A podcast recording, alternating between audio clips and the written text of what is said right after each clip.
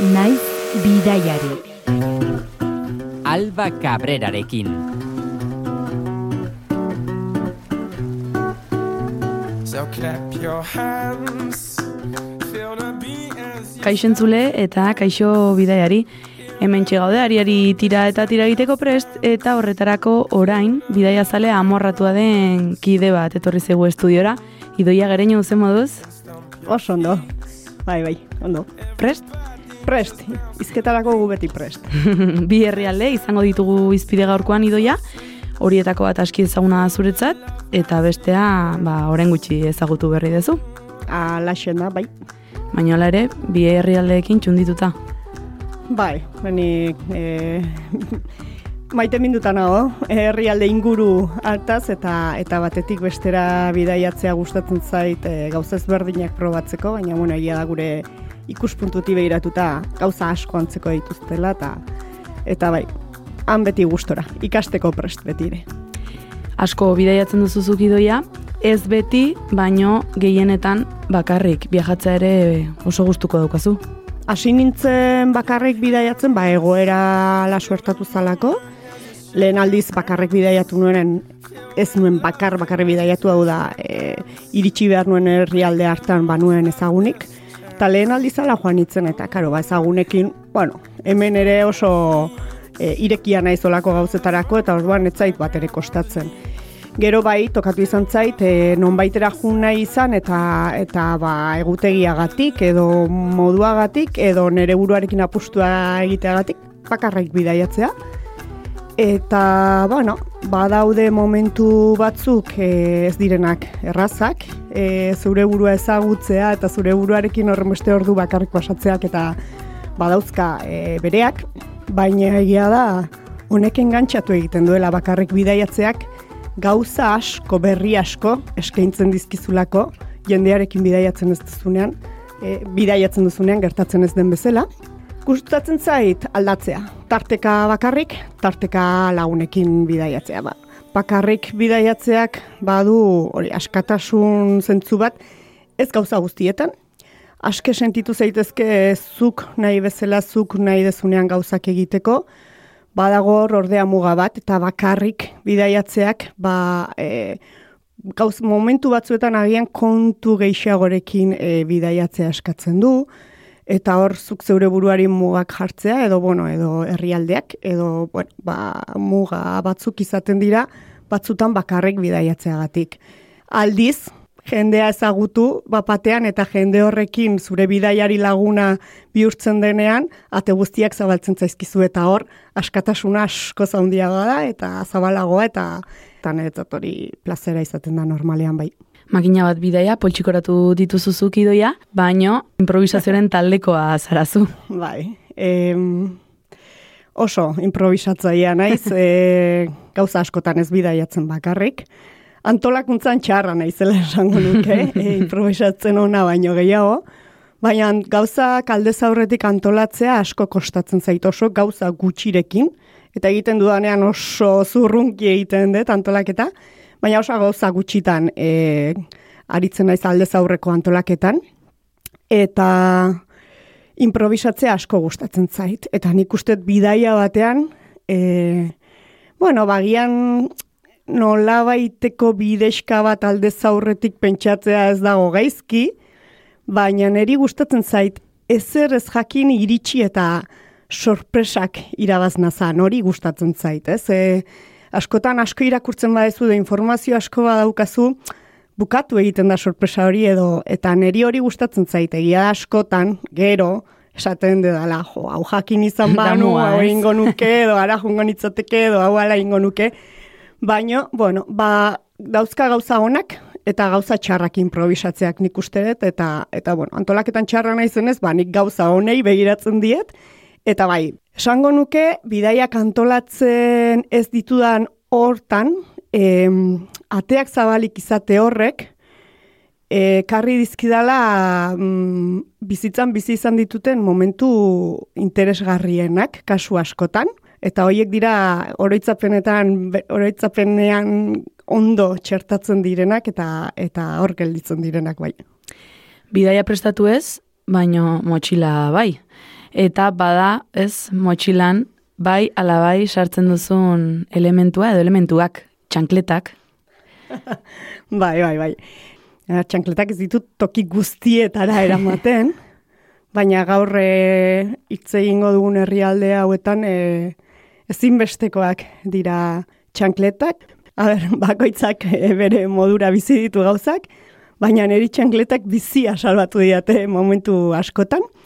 E, bidaiatzen dedan herrialde hauetan hautsa da nagusi lurrean, eta orduan bero egiten du, eta bero eta hautsa nahasita, zer diarekin zikintasun hori, e, oso desatxe ina egiten zait neri, eta orduan txankletak eramaten ditut, baina bi baldintza izan barituzte txankleta horiek. Eta zeintzu dira bibalintza Ba, bata lotuak izatea, nola baitere, eta topatu ditut, e, lotzen diren plastikozko txankletak, eta Wow. plastikozkoak diot, eraman izan ditu dalako ez, ba, e, gehiago balio dutenak, edo larruzkoak, edo erosogoak direnak, eta hobeak direla iruditzen zaizkigunak, baina gero zikintasun hortan, hoiek garbitzea oso zaila, are gehiago garbitzeko tokirik ego, dago, ez dagoen herrialdeetan gure gustura garbitzeko esango dut. Eta orduan, plazera da niretzat, hartu ur pixka bat, garbiago ala zikinagoa, denetik tokatu izan zaiguta,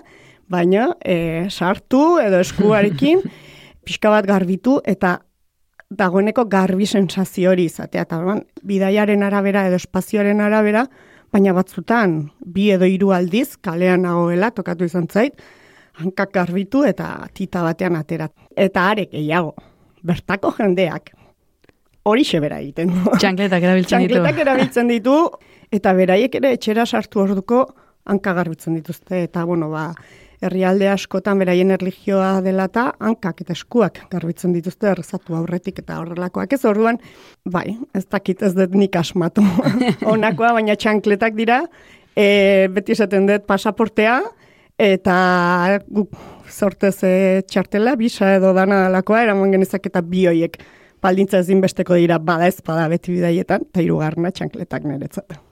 Eta idoia, nun da hirugarren baldintza txankletak eraman beharreko herrialdea edo zein bi herrialde bisitatuko ditugu gaur.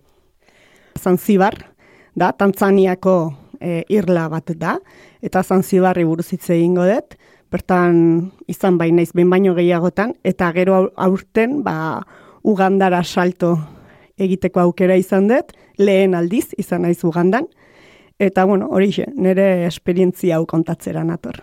Ba, iruditzen ben mazaizu iduia, beren berezitasun nagusiak azalduko dizkigu egoi belategi lankideak. Entzun dezagun. Zen gustuko dugun Afrika, hori dela eta gaur leku bakar batez, bi leku zoragarri aurkeztuko dizkizuegu. Kontinentearen bihotzean, Uganda, eta Indiako ozeanoan estatu buru ez den, baina nortasun propia duen Zanzibar.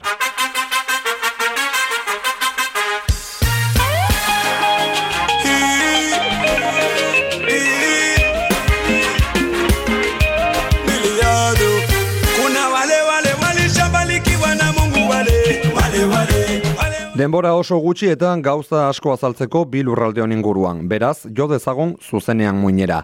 Asteko Uganda, ingelesez ofizialki Republic of Uganda edo Swahiliz, Jamhuri, ja Uganda, Afrikaren erdialde ekialdean dugun estatu buru jabea da, aintziren eskualdean kokatua zehazki. Ego Sudan du iparraldean mugakide, Kenia ekialdean, Victoria entzira ego ekialdean, Tanzania eta Ruanda hegoaldean, eta Kongoko Errepublika Demokratikoa mendebaldean. Berrogeita bat milioi pasatxo biztanle ditu eta hiriburua Kampala da, Victoria aintziraren ertzean.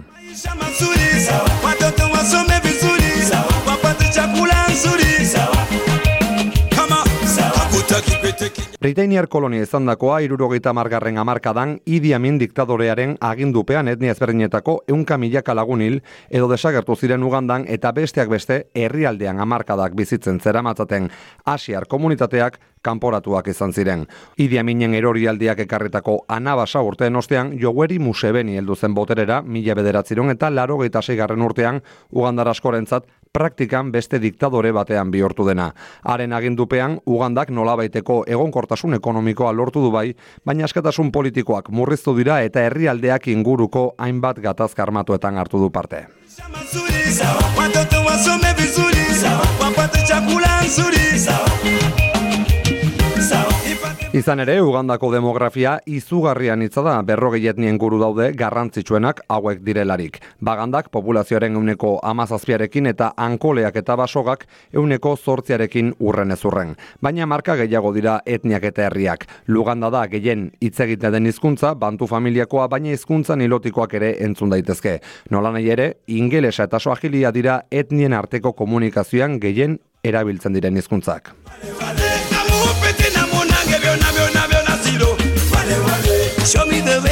Eta demografia bezain aberatsa edo gehiago ekosistema ugandan.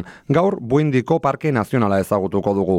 Ofizialki Buindiko baso zeharkezina du izena Ugandako ego mendebaldean kokatuta dago eta UNESCOren munduko ondarearen zerrendan inskribatuta dago ere. Batez ere animali hauen bizileku izategatik da ezaguna Buindi.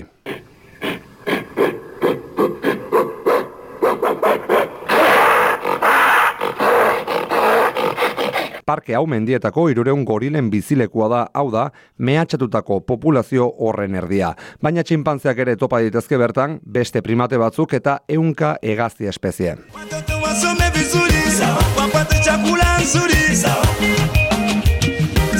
Eta jo dezagun gure gaurko bigarren bisitaldira, Zanzibar Afrikako ekialdean dagoen uartedia da, Indiako ozeanoan kokatua esan bezala eta administratiboki Tanzaniako estatuaren parte. Hala ere, estatu buru jabe izatera ere heldu zen Britaniar kolonia izateari utzi ostean. Eta bada pasarte historiko oso berezi baten protagonista Zanzibar. Kolonia bihurtzearen mehatxupean ez zutelako inolako beldurrik izan, Britaniar estatu boteretsuari gerra deklaratzeko naiz eta azkar damutu ziren antza. The Anglo Zanzibar War was a military conflict fought between the United Kingdom and the Zanzibar Sultanate on August 27, 1896. The conflict lasted for approximately 38 minutes, making it one of the shortest wars in recorded history. Mila zortziron eta larogeita maseiko abuztuaren hogeita zazpian, Zanzibarko sultanatuak gerra deklaratu zion erresuma batuari. Hogeita emezortzi minutu iraun zituen ofizialki, naiz eta aditu batzuen arabera, berrogei minutu zere luzatu zen. Kontua da, azkar erdietxe zutela akordioa kolonizatzaile ingelesek eta tokiko elite arabiarrak. Nazio eta kultura arabiarrak pisu handia izan duelako historikoki Afrikar jatorriko herriekin astuz, baina baita tentsio etnikoak areagotuz. Estatu burujabe bezala, ibilbide motz egin ostean sultana boteretik kendu eta tanganikarekin batu ostean Tanzania sortu zuen. Gaur gaurkoz, paradisu natural hau herrialdean bisitari gehien jasotzen dituen tokietako bat da.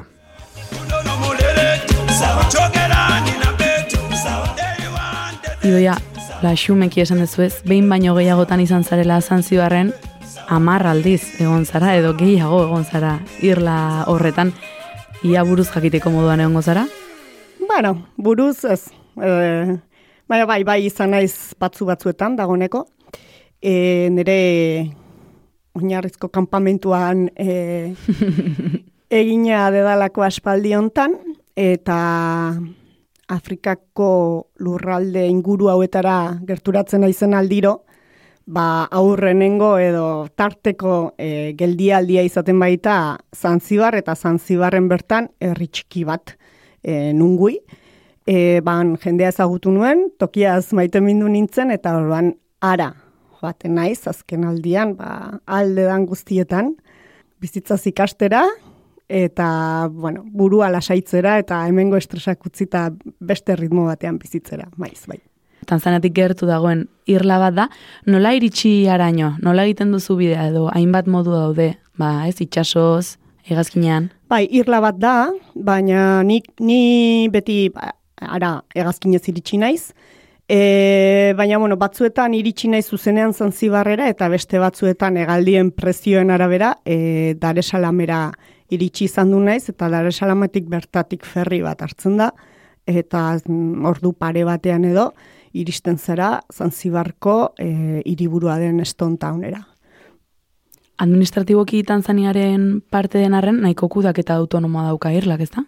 Bai, gauza batzuetan e, politikoki ba, e, baditu autonomia be, batzuk eta eta somatzen da eta gero em, Zanzibarko herritarrek ere e, badituzte ohitura batzuk oso Tanzaniarrenak direnak, baina gero badituzte beste batzuk ba, ba ezberdinagoak direnak, bai. Orain amar, amabost urte askoz ere esklusiboa zen, Zanzibar bisitatzea. Zein panorama edo, zein argazki aurkitzen dugu gaur egun, ez, ara joango bagina? Ba, nik orain dela amarra urte zertzegoen ez dakit. E, lehen aldiz, orain bospasei urte joan bain nintzen, baina bai irakurri izan dudut edo aldizkarietan eta begira aritu naiz, eta eta harritu bain ninduen lehen aldiz joan nintzenetik gaur daño eta tartean pandemia izan da, eta hor e, aldaketa e, ikusten nuen ni lehen aldiz joan nintzenean, bueno, zanzibar ezaguna egiten zitzaidan izenez, baina ez nuen jende askorik ezagutzen ara iristen zenik, eta konturatu nintzen Tanzania e, safariak eta daude, eta Kilimanjaro ere oso famatua da, eta gero Zanzibar, ba, bidaiariz betetzen ari zela, eta geroz eta jende gehiago zetorrela ez, orduan han izan nintzenean, eta lehen aldiz edo bigarren aldiz bueltatu nintzenean, hasi nintzen begira, eta zen, ba, ikusi nuen turismoa ikaragarri jotzen ari dela, ez.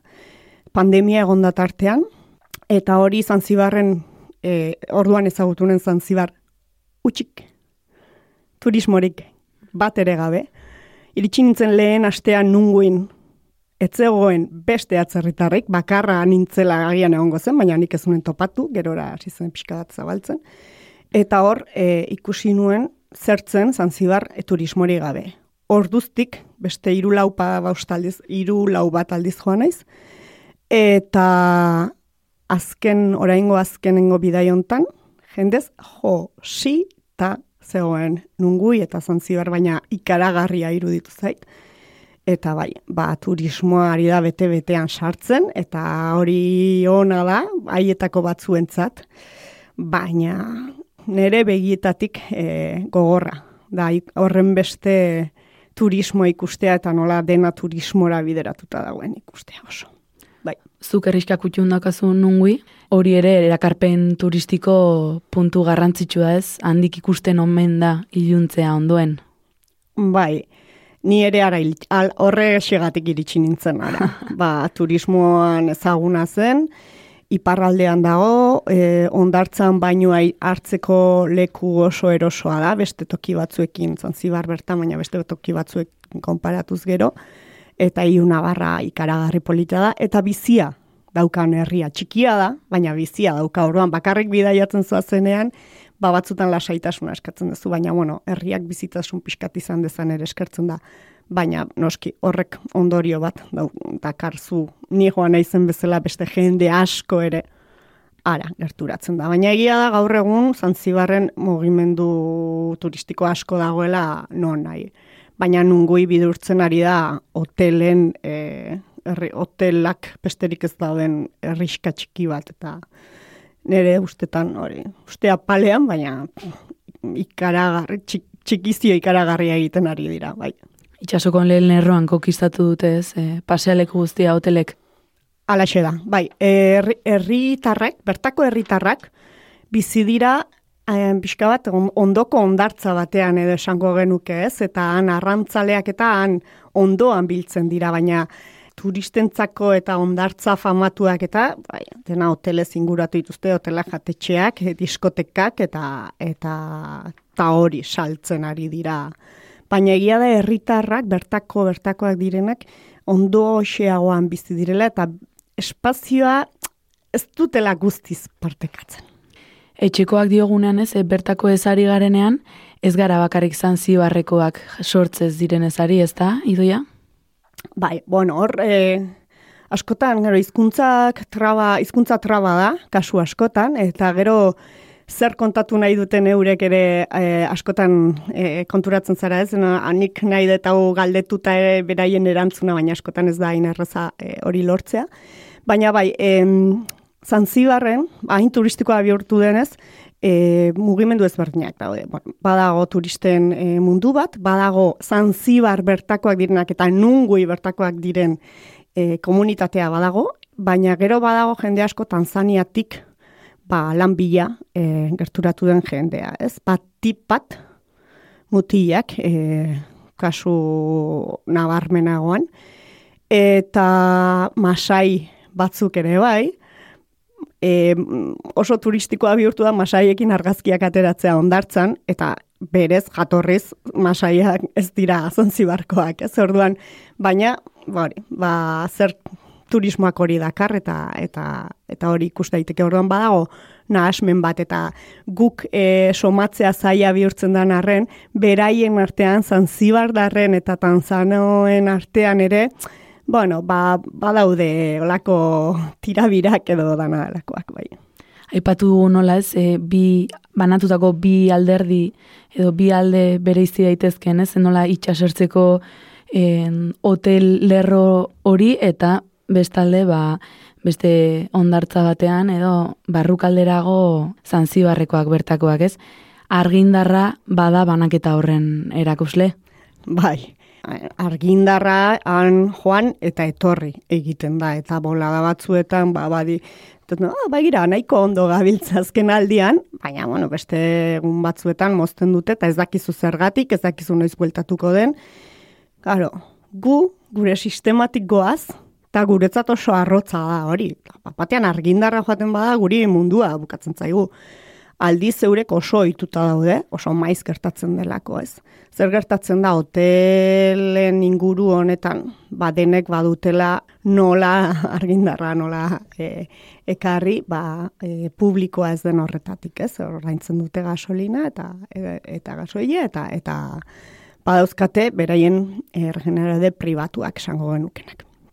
Aldiz herritarrak bizi dira argindarra noiz etorriko, zai, orduan beraien ekosistema guztia daukate e, bideratuta bizimodu horretara. Orduan, badauzkate izozkaiuak, baina izozkaiuak ez dauzkate guk dauzkagun bezala beteta eta luzarorako horrekin jokatzen dute eta eta bueno, izozkaiuak ere badauzkate badenda gutxi batzuetan, ez pentsan izozkaioa gauza arrunta denik. Eh ez dute e, argindarraren premiarik, bere haien bizimoduan ez dute sartu e, argindarra premia izatera ez da iritsiko, ez dut, ezin dutelako, ez, orduan, e, ba, bueno, dagoenean ondo, ez dagoenean, ba, Ondore, bai. bai. Zuki doia, argindarraren joan etorria ezagutu alduzu egindako bidaia horietako oren batean. Bai, bai, ari nintzen oraintxe akordatzen, ez, e, aurten urte zarre gaua, ba, panunguin, e, urteko egunik e, famatuena da, festa handia izaten da urte zahar gauean, turismo asko erakartzen du, baina bueno, baita bertakoak ere, ondartzara gerturatzen dira, eta, eta bueno, ba, festa egiten da urte zahar gauean, ez? Ba, urten, kukasmoa gendu, ba, egun berezia zelako, ba, bueno, ba, ez dakit, ba, arropa desberdin bat jaztekoa, edo beste, beste nola baita antolatzekoa, afari itxo bat egitekoa, ba, kasualitatez, e, izan ginen aurten, e, argindarrik gabe, eta argindarrik etzegoenez, ni lotan nengoen tokian, urik ere etzegoen argindarraren bidez bideratuta zeukatelako, ez? Orduan, ba, pasagen itun biegun, argindarrik eta urik gabe, eta alaxe hasi genuen urteat, ez dakizu ze pozik. Bueno, hasi era kuriosoa, ea nola maitzen den ere. bai, bai, egia da, bueno, ber, gero ura badago, badago zakite, eta, bueno, han, itxasoa da, eta ura ez da hain merkea, baina, bueno, botiletan eta turismora bideratuta e, ura erraz lortzen da, eta, bueno, ba, urarekin, e, hori beste gauza bada ingurumeneari zenbateko kalte egiten zaion horrekin. Bueno, ez daukate kontzientzia handiegirik, baina hasi dira badaude mugimendu txiki batzuk, e, hori zaindu nahi dutenak eta hori. Bertakoek bazu ondartzan balin mazaude, etortzen dira zure e, bot, plastikozko botilen eta bila jasotzeko orduan, bueno, pixka bat bideratuta dago. Han amar bider egon ostean e, lagunak ere egin dituzu bertakoak. Hizkuntza oztopo izaten alda horietan, harremantzeko eta harremanak sendotzen joateko. Ingelesa eta mimikarekin eta gorputza dirazpenarekin e, aurrera beti. Hori ere badelako hizkuntza. Bai, noski. Eta, eta orduan, ba, muga handia somatu dut, turismoarekin lan egiten duten gazteek eta lehen esan edan dezela Tanzaniatik eta etortzen diran gehienak e, mutiliak direnez, ba mutiekin hitz egin baina neskekin hitz egitea askoz zailagoa da. Ezagutzen ditut batzuk, ba lehen aldiz joan hitzenetik eta bueno, ba beraiekin egoten naiz. Baina ez dute ingelesik hitz egiten. Naiz eta beraiek ere batzuk Tanzaniatik etorritakoak izan eta turismora bidera e, turismora etorri e, lan bila, turismo mundura, baina e, ba, edo garbiketan aritzen dira, edo enkarguak egiten, edo, edo beste gauza batzuk egiten, da orduan ez dute ingelesik hitz egiten, eta suahilia hitz egiten dute eurek, gehientsuenek, eta orduan ba, komunikazioa horra asko zailtzen da. Gauza bera gertatzen da jende helduarekin. Eta orduan, bueno, ba, mugatuta zaude, bueno, gizarte horren esparru txiki batekin bakarrek e, komunikatzera, ez? Eta azkenean turismora, turismoaren gandik gertuen dagoen talde, gizataldea e, horixe da. Gizonezko gazteena gainera bat ipatez, bai. Egia da gero, e, sortez, eukide dala nere bizitza, e, nere e, bidai hauetako batean, e, batean baino gehiagotan, baina Tanzaniara berta lagunak egin eta Tanzaniara beraien etxeetara eta joateko aukera izan dut, e, ba, ezkontzetara eta hietetara tokatu izan zait, eta oso esperientzia bereziak bizi izan ditut, eta hor bai ia inokin ezin izan egin ingelesik ere ez baitute hitz egiten. Orduan hor oraindik mugak e, handiagoak dira. Beste muga bat badago hor, eta niretzat da e, zaiena eta miresmen gehiena e, sortzen didana, eta da hizkuntza ulertu arren, gure hizkuntza eduki, hizkuntza formala, ulertu arren, sistemen arteko ezin ulertuak, askotan hitzak ulertu bai, baina esan, ez dakitze esaten ari zaian. Eta neri alderantziz, hau esan, eta niretzat hain gauza arrunta da, eta bi aldiz eta hiru aldiz errepikatu eta esan Eta ezin ulertu. ez ditu ulertu. Konbentzituta nago, ez dira ulertu eta sistema. Eta hor konturatzen zera ez, ba ez da bakarrik e, ahozkotasunak ikusten denak entzuten dena, baizik eta gure pentsaerak eta e, giza taldean bizitzeak e, dauzkan ezberdintasunak e, kulturalak, ez dakit norainokoak diren, baina, baina ikaragarria da ze inkomunikazio sortzen den batzutan, eta aldiz kontran ere bai, ze komunikazio beste batzutan esan, ara, ez diet ez zer esan eta ulertu egin hau, eta beira munduan beste puntatik nator, eta bapatean, bum, olako komunikazio bat sortuta. E, dan batean, e, ulertzen dezunean pertsona bat, bueno, ba, olakoak ere bai ez, gizakiak era, eta gauza askotan berdinak gera, eta beste batzutan kulturek nola banatu gaituzten ez. Hizkuntzetik erligiora salto egingo bagenu edo herritoetara hileta batean izan zinen, ez Zanzibarren, baino bai Tanzanian. Hau bete hortz utzi zintuen. Bai, uf, hori e, 2008 bateko udan izan zen. Eta, bueno, ba, hiltzitza egun angertuko e, lagun baten amona, baina lagun, gertuko lagun horren amona, behin baino gehiotan, nerekin egona zen, ez? Aldez aurretik orduan, e, gonbidatu ninduten hiletara joatea, eta joan ginen, eta, bueno, ba, bizitzan pasatu dudan esperintziarik, e, ez dakit, harrigarrienetakoa, ez dakit nola deskribatu ere, iritsi nintzen, eta hauek hiru egunetako rituala egiten dute, e, lurperatzea eta bat eta beste, eta gero emakumeak eta gizonezkoak e, tokiz berrinetan lo egiten dute, ondoan, gizonezkoak kanpoan, karpa moduko bat jarri zuten, eta emakumeak gela batean, baina agian zuen berrogei tamar, emakume, takit, hogei tamar metro karratu, ze hogei tamar gutxiagoan, nola?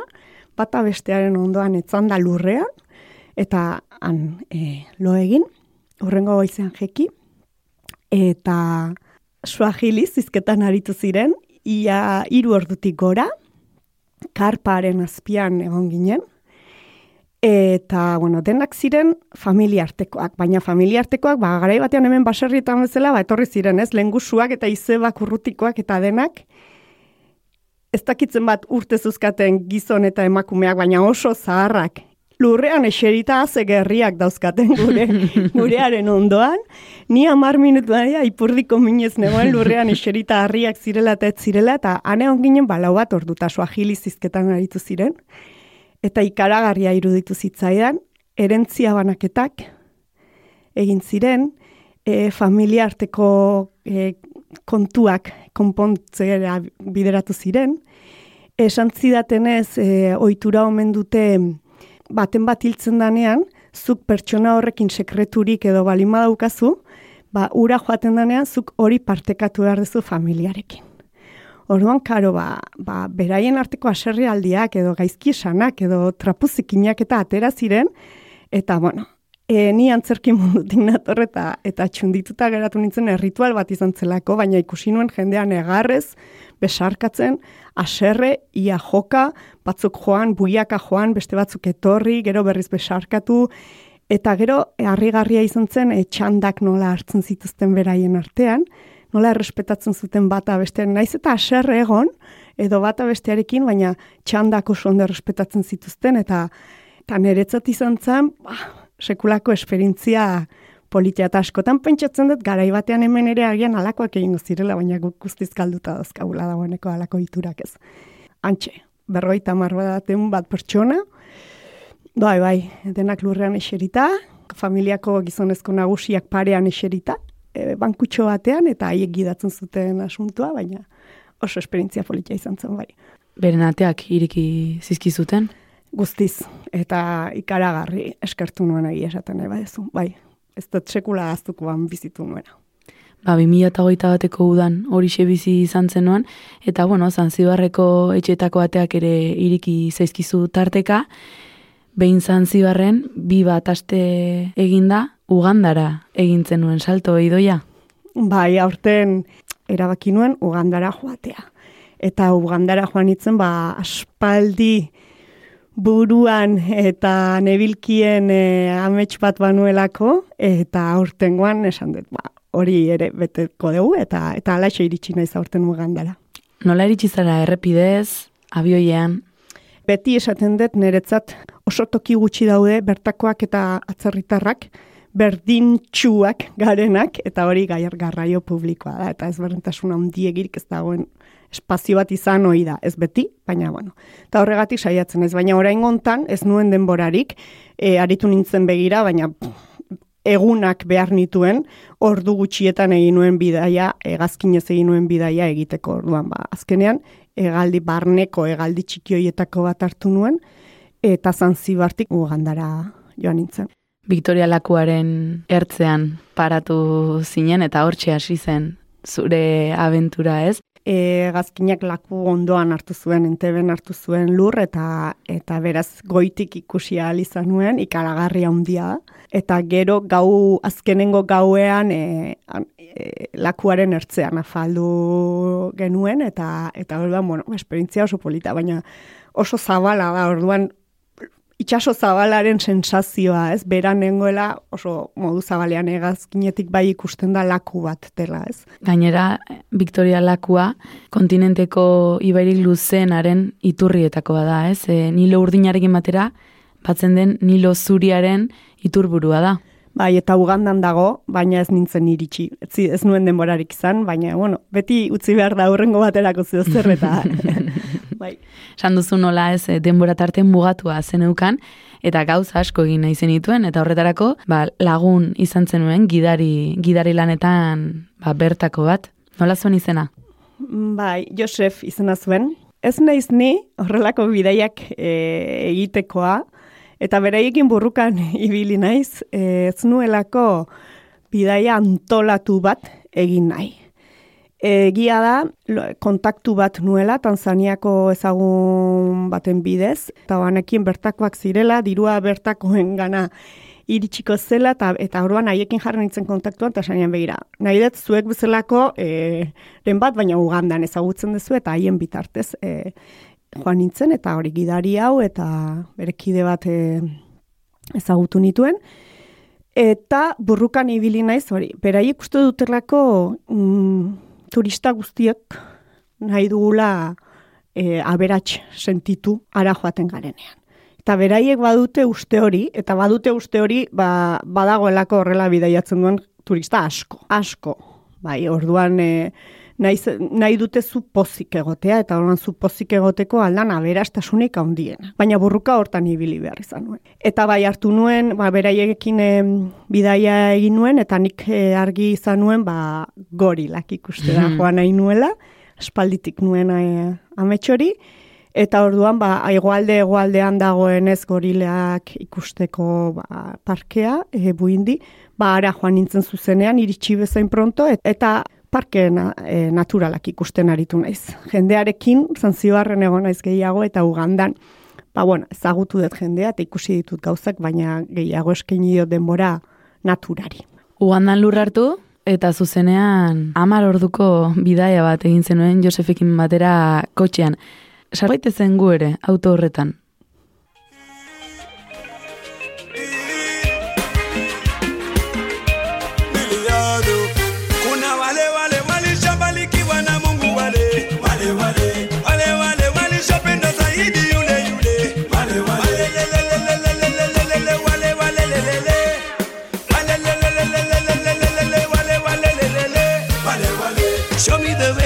Show me every possibility.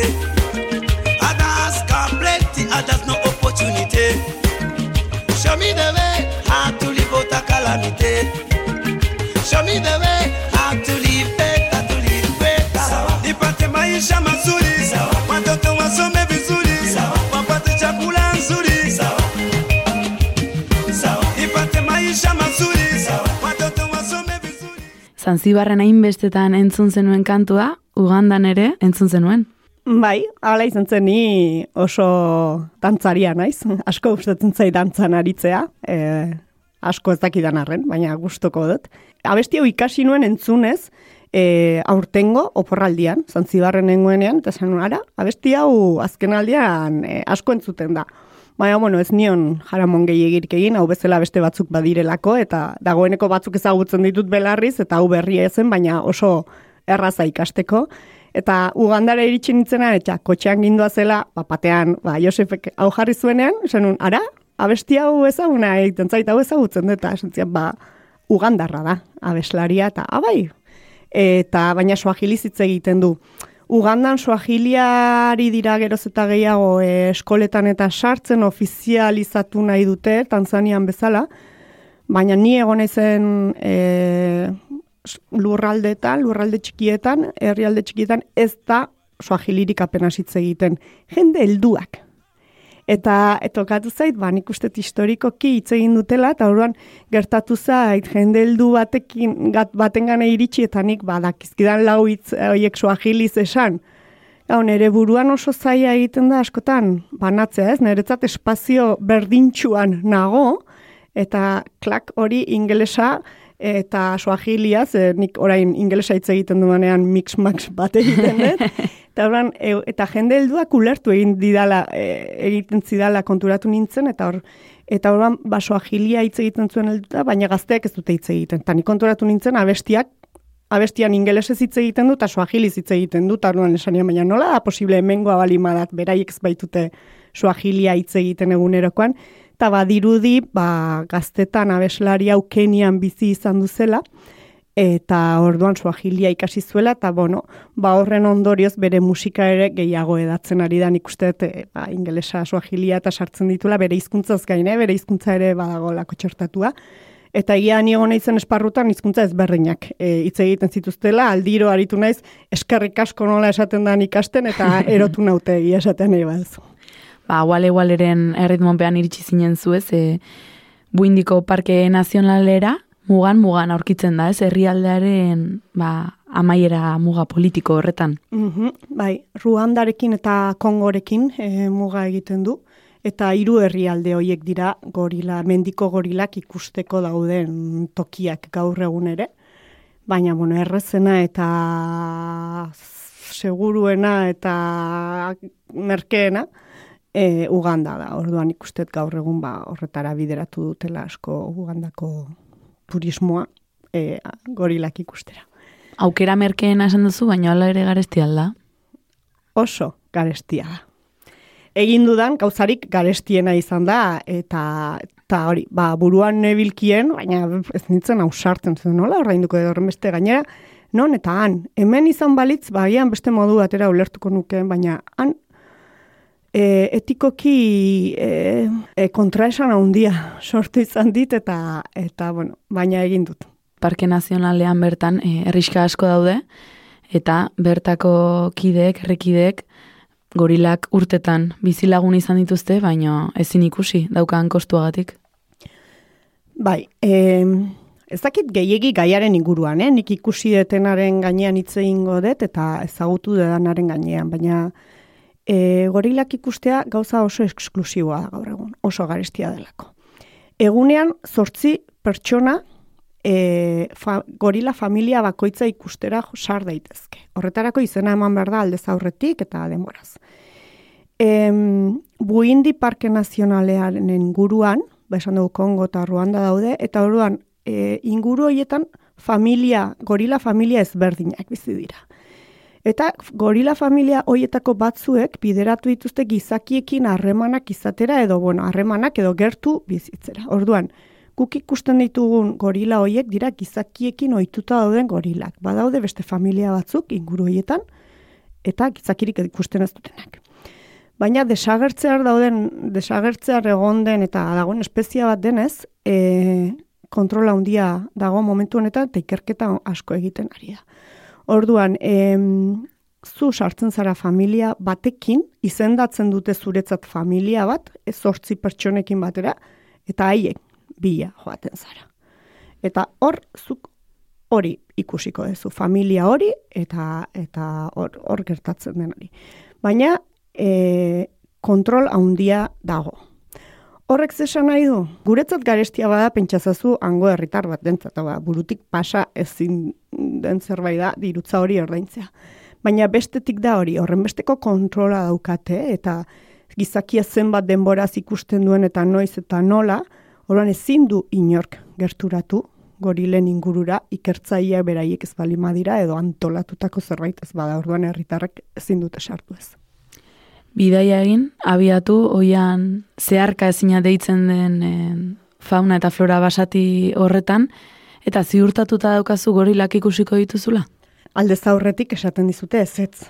Eta nik uste dut eh, nik ez, ez dut sekula entzun, ez diot inori irakurri ez dituztenik ikusi. Gehiago, ala gutxiago hori bai. Em, esan dizuet zortziko taldeetan iristen zara, eta beraiek argi esaten dizute hasiera batetik, ordu betean egon gazarela gorila hauekin. Kontua zu bazoaz haien bila, beraiek ba ikertzaileak haien atzetik dabiltzalako badakite gutxi gora bera non egongo diren, orduan haien gana iristen zarenean, ordulari hasten da tak, tak, tak, tak, ordu bete kontatzen. Eta ordu bete pasatzen danean, berdin da non eta zer gertatzen ari den, baina bagoaz. Claro, noiz hasten da hori kontatzen, ba, lehen aldiz gorila bat ikusten duzun momentuan.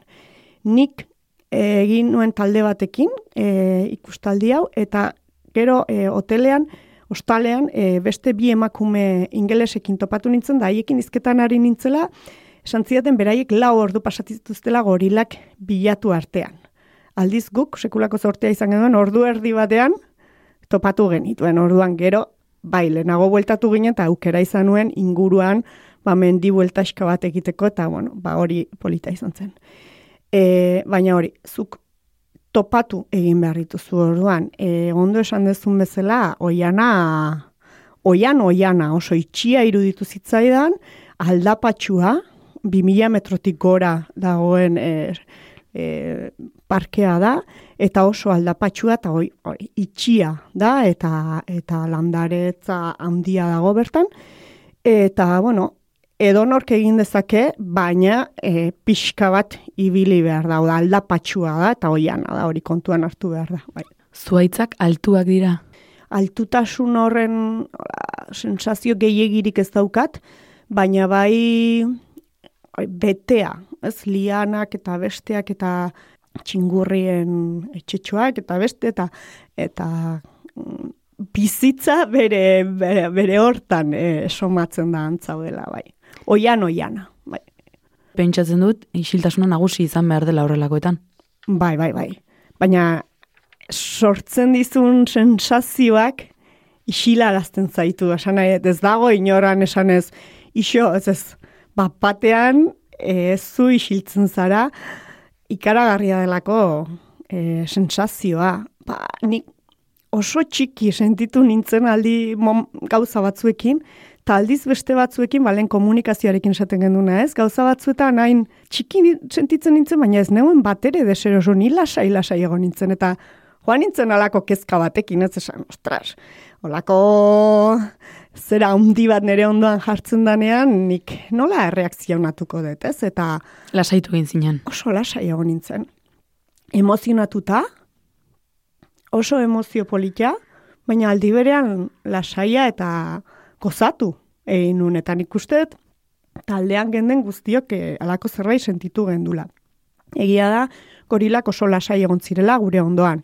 Begiratzen gintuzten, e, momentu batzuetan distantzia eskatzen zuten, ba, begiradarekin, ez, e, ziar, ziardun, bizkarradun, e, animalia hau handiura e, guri begira jarri, jartzen zenetan, ostras edo mugitzen hasten zenetan, impresio egiten zuen, eta nik uste horrez gendula arnasik ere hartzen momentuetan. Oso gertu, nire gandik bi iru metrotara pasatu zen ondo ondotik, eta eta jaten aritzen aritu ziren eta entzun egiten genitu nola ari ziren jaten. Orduan oso gertu eduki genitun baina oso lasai egon ziren. Orduan eta gero kumetxo bat ere e, ikusteko aukera izan gendu baina zuetzetan dilindan ibili izan jolasen gu, baina hola, bertatik berta eta oso oso esperientzia politia izan zen. Eta honen aria esan nahi dut em, mendifilmen badabil e, pelikula bat e, botatzen ari dira oraintxe, jo izena duna,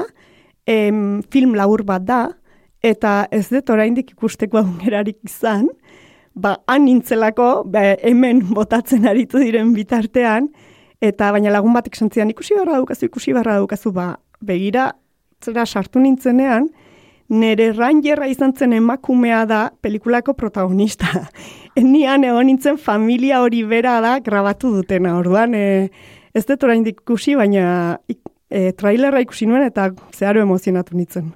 Orduan, ia ikusten dugun eta bueno, jendeak ikus dezala, de, esan diate oso ondo dagoela gainera filma.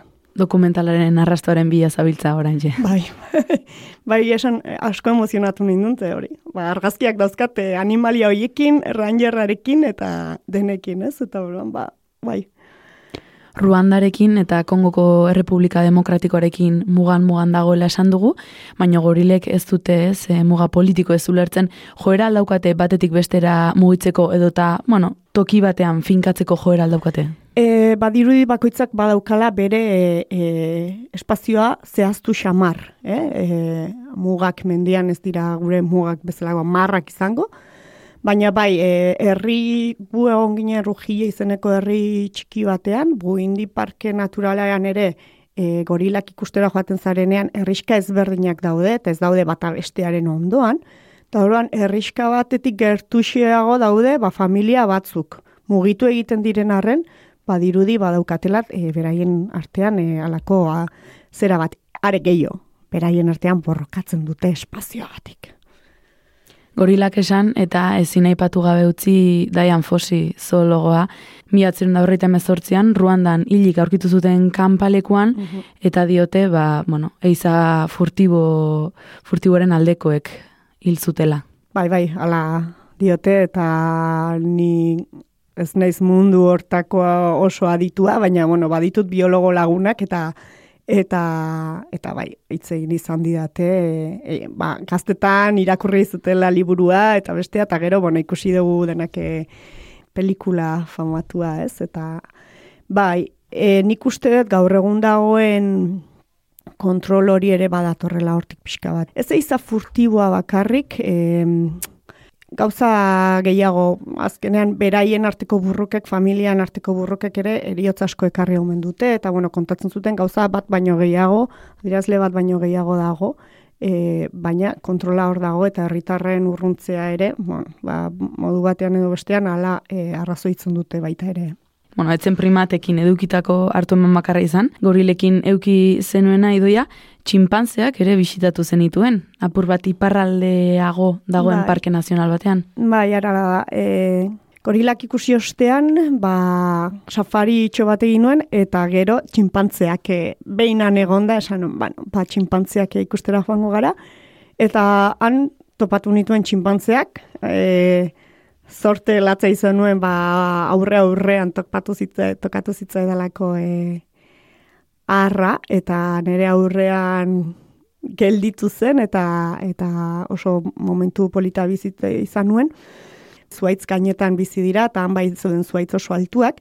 Paisai aldetik, biak ziren oianak, Ibale parkea eta buindi, bira, biak, baina buindi oso aldapatxua den bezala Ibale e, laua zen, baina hori, oiana, eta eta hori, ba, beraien bizimodua bai da desberdina primateak dira, baina jokabideak eta oso desberdinak dira, bai. Gorilak baino txikiagoak, baino gaiztuagoak ere.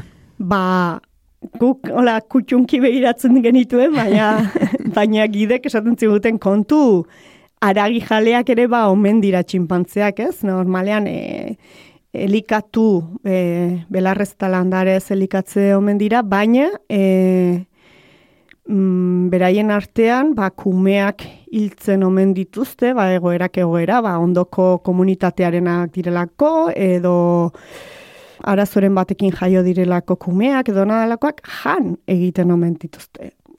Eta hor gelditu ginen denak, mm. Hor berriro ere arnasa moztu zitzaizen. hori arnasa moztu zitzaigun, bai, bai, bai.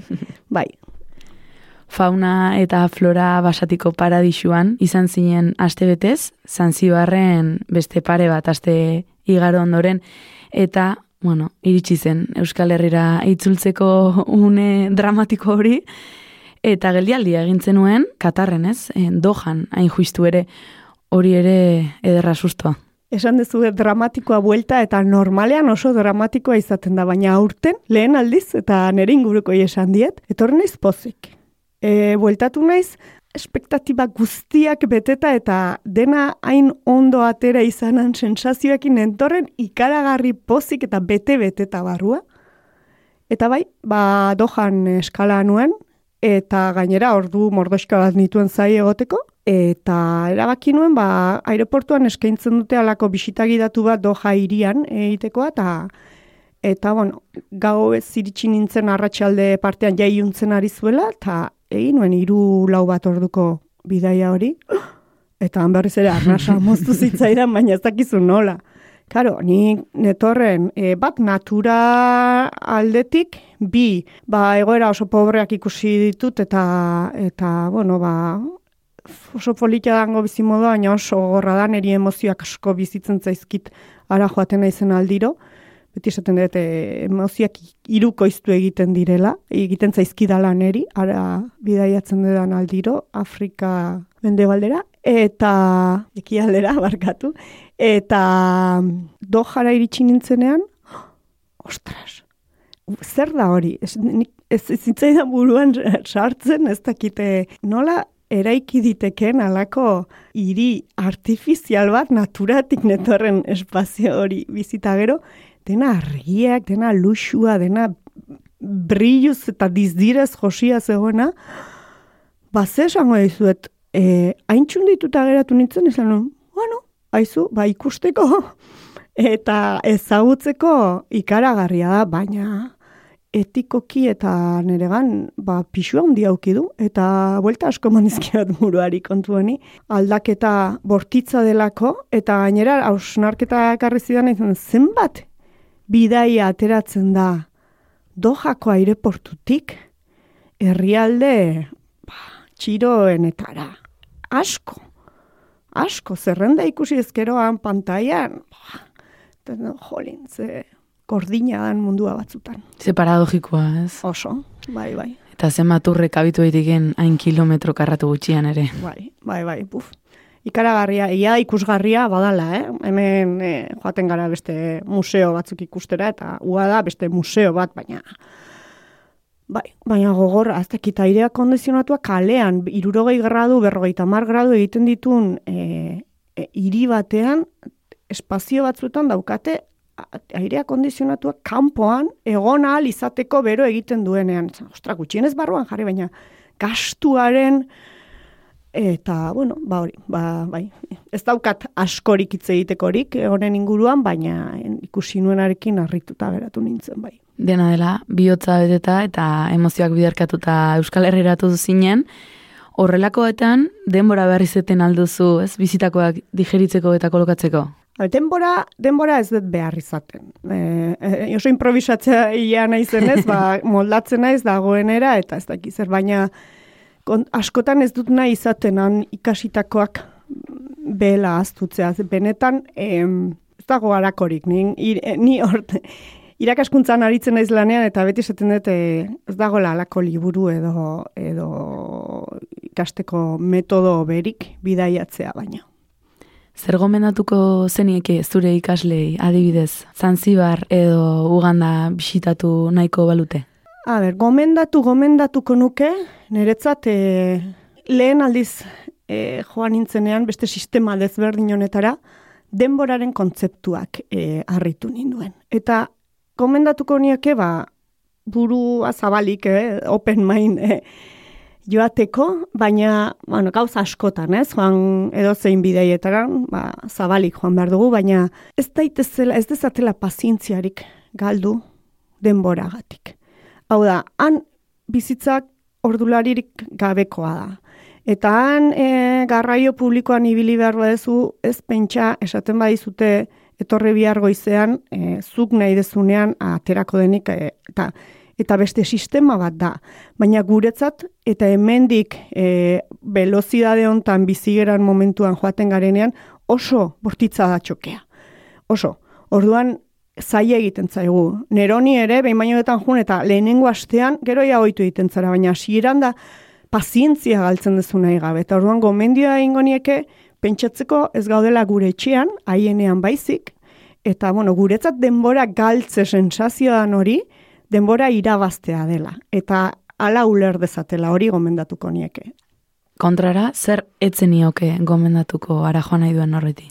Ba, ez dakit, ez nieke gomendatuko, ba, adibidez, eh, dakite, eh, Zanzibarren adibidez, ni harritu nindun ikaragarri lehen aldiz joan nintzenean, normalean gu ohituta gaude hirietan jendea asko zabalagoa, ez? Errisketa normalean tradizioari gehi usten zaio edo itxiagoak ote diren edo.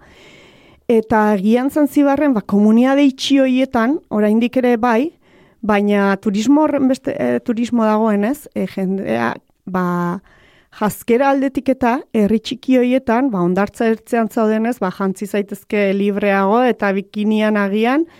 Jendeak ez dezala toplesa egin mesedez, ikusten dira eta beraientzat oso bortitza da, orduan egin nahi bada, ba ondo erabaki ezatela non.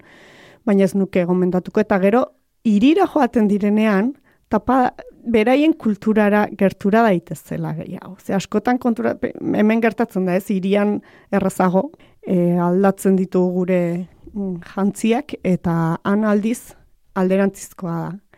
Errisketan lasaiago, eta irian e, erligioak indar handia baitaukan, zentzibarren. Lauzpa bost urtez, izan zara Zanzibarren idoia, eta lehenengoz orain berriki ugandan, norantz dauzkazu, begira da orain. Ba, bueno, ez dakit, e, improvisatzaia naizen einean, e, gaur gauza bat esango dizut eta eta oso posible da aldatzea, baina bueno, egia da, azken aldian berriz arra sortu zaidala, ba, asia aldera pixka bat mugitzekoa, ura ez baitet oso gutxi ezagutzen baitet, Baina, bueno, beti hori esaten dut, eta gero azkenean, ba, horren beste maite dedan errisketara bueltatzen naiz beti, eroso sentitzen naizelako eta gustora egoten naizelako bai. Denbora gainera etorri zaigu guri, denbora irabazi dugu, idoia. Beti. Eskerrik asko, zure improvisazioaz gozatzen usteagatik. Eskerrik asko zuei, Nahi duzun arte. baita zuei ere. Iritsi da saioaren amaiera entzule, baino datorren astean, leku eta ordu berean. Izango duzuen ire berri beste behin, eta noiz nahi noski podcast plataformetan.